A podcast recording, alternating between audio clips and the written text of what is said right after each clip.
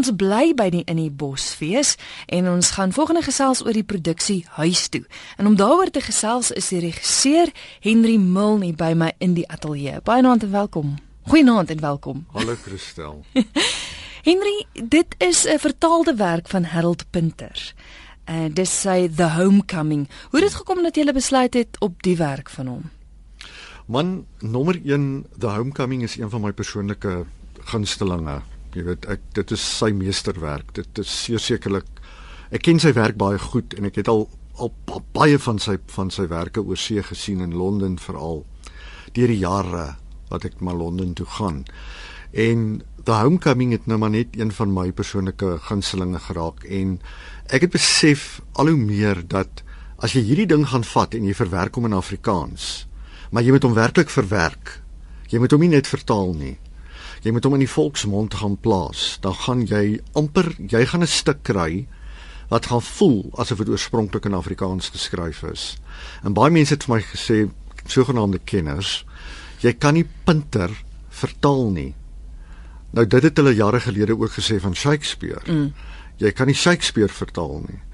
Ek glo dat as jy beest, as jy werk met 'n klassieke werk, nou ek sê nie Pinter is klassiek al reeds nie, maar hy's definitief nuwe klassiek. Hy's besig om klassiek te raak. Ehm um, dan hoe meer klassiek jou werk is, hoe makliker vertaal hy in enige taal en is hy speelbaar. En ons het al baie voorbeelde in hierdie land gesien waar goed vir uh, amper African gemaak word. Klassieke tekste wat vir vir nie vir Afrikaans nie want jy weet dis 'n ander konteks, maar vir mm. African. En ons het dit gevat, ons het dit gehou in die 60er jare in Westdene gesit in Johannesburg. En die goed taljard wat dit vir my vertaal en verwerk het, kom uit so 'n agtergrond. Met so hy het groot geword in 'n huis met sonder 'n ma. Met ander woorde, dis 'n plek waar net mans opereer. Die pa die oupa en hy en sy broer. Mm. En die vrou in die huis was die bediende. Nou en dan word jy sonder 'n maal groot. So hy daai hy daai ongelooflike agtergrond gehad vir die karakters van The Homecoming wat wat ook aanvanklik sonder 'n vrou begin. Mm. Ja. Dis my interessant dat jy sê dit is verwerk en nie vertaal nie. Ehm um, is mens nie bang dat dat baie verlore gaan nie? Hoe keer mense want ek wil eh, mense wil hmm. tog hê dit moet punter bly, verstaan? O ja, ja, ja. ja. Hoe hoe oorbrug mens daai uitdagings? Dit is 'n geweldige uitdaging want jy moet die ritme van punter behou. Hmm. En daarom kan jy nie sommer enige Jan Rapp en sy maat vra om te vertaal nie. Ek het lank gesoek voor ek vir Hugo gekry het wat daai vermoë het om die ritme van 'n van 'n dramaturg aan te voel en veral met punter.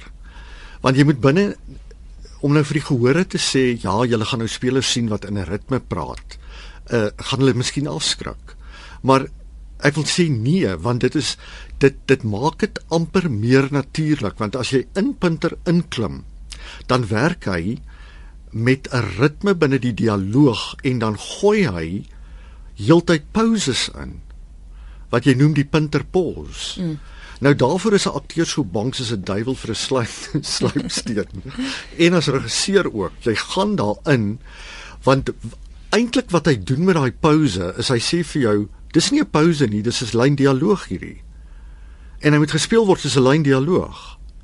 Nou ja, jy kan jou die repetisies voorstel.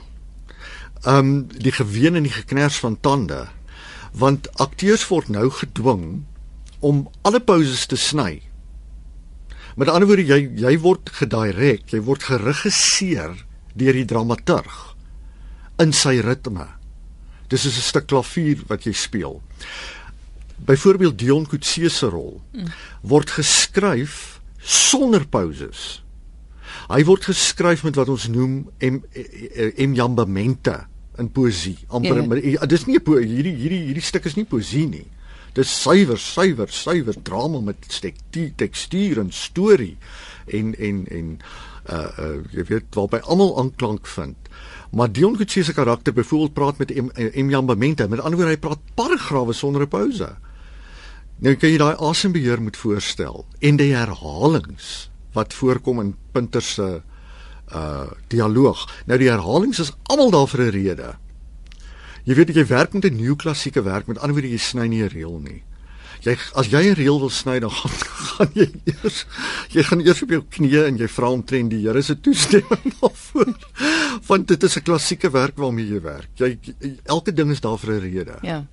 En of jy idee te gee hoe hoe heilig Pinter op sy poses is toe hulle die eerste keer hierdie play gedoen het in 1964 in Londen. Toe Pieter Hall dit was die regisseur. Toe vertel hy die storie Pinter uit Pinter bel hom toe een aand tydens repetisies en sê vir hom Peter, I want to cut a line.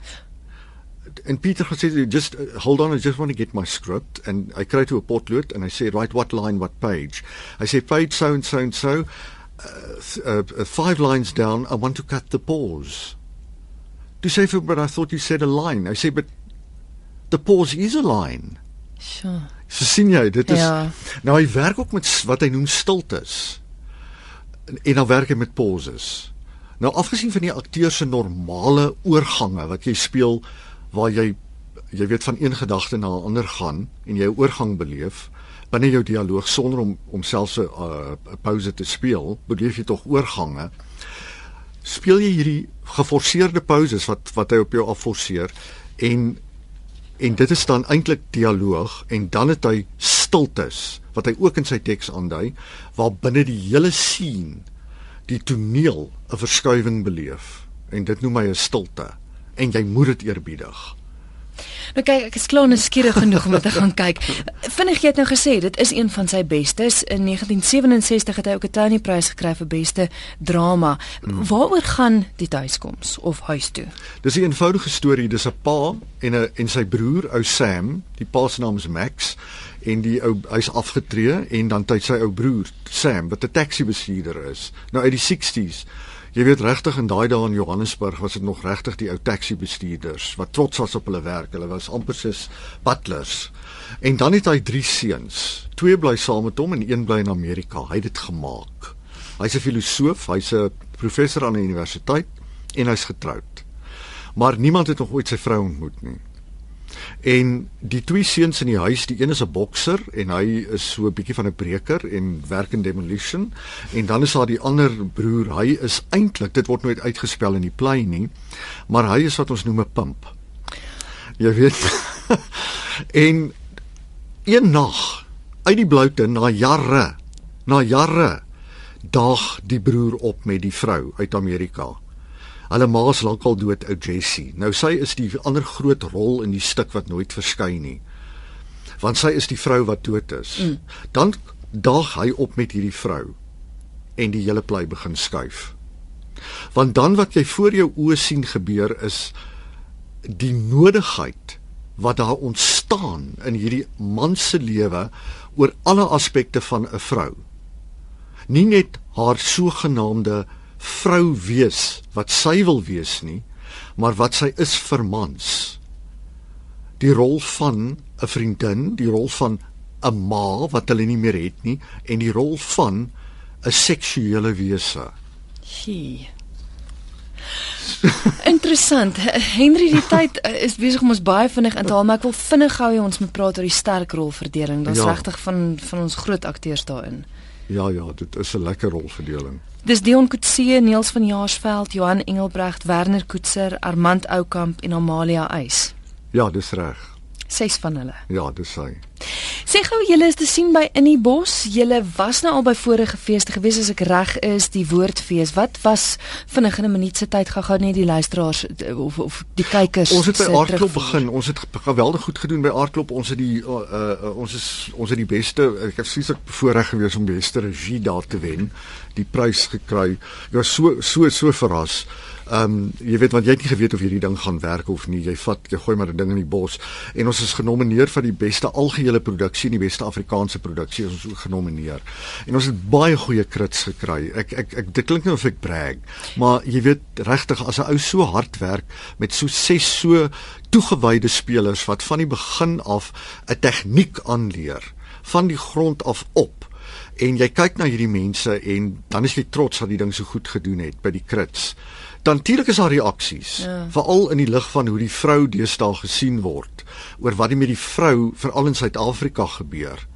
'n Party mense wat daar is mense wat gesê het uh, ons kan nie hierna kyk nie. Dit is vir ons te erg om te sien waar die vrou moet gaan.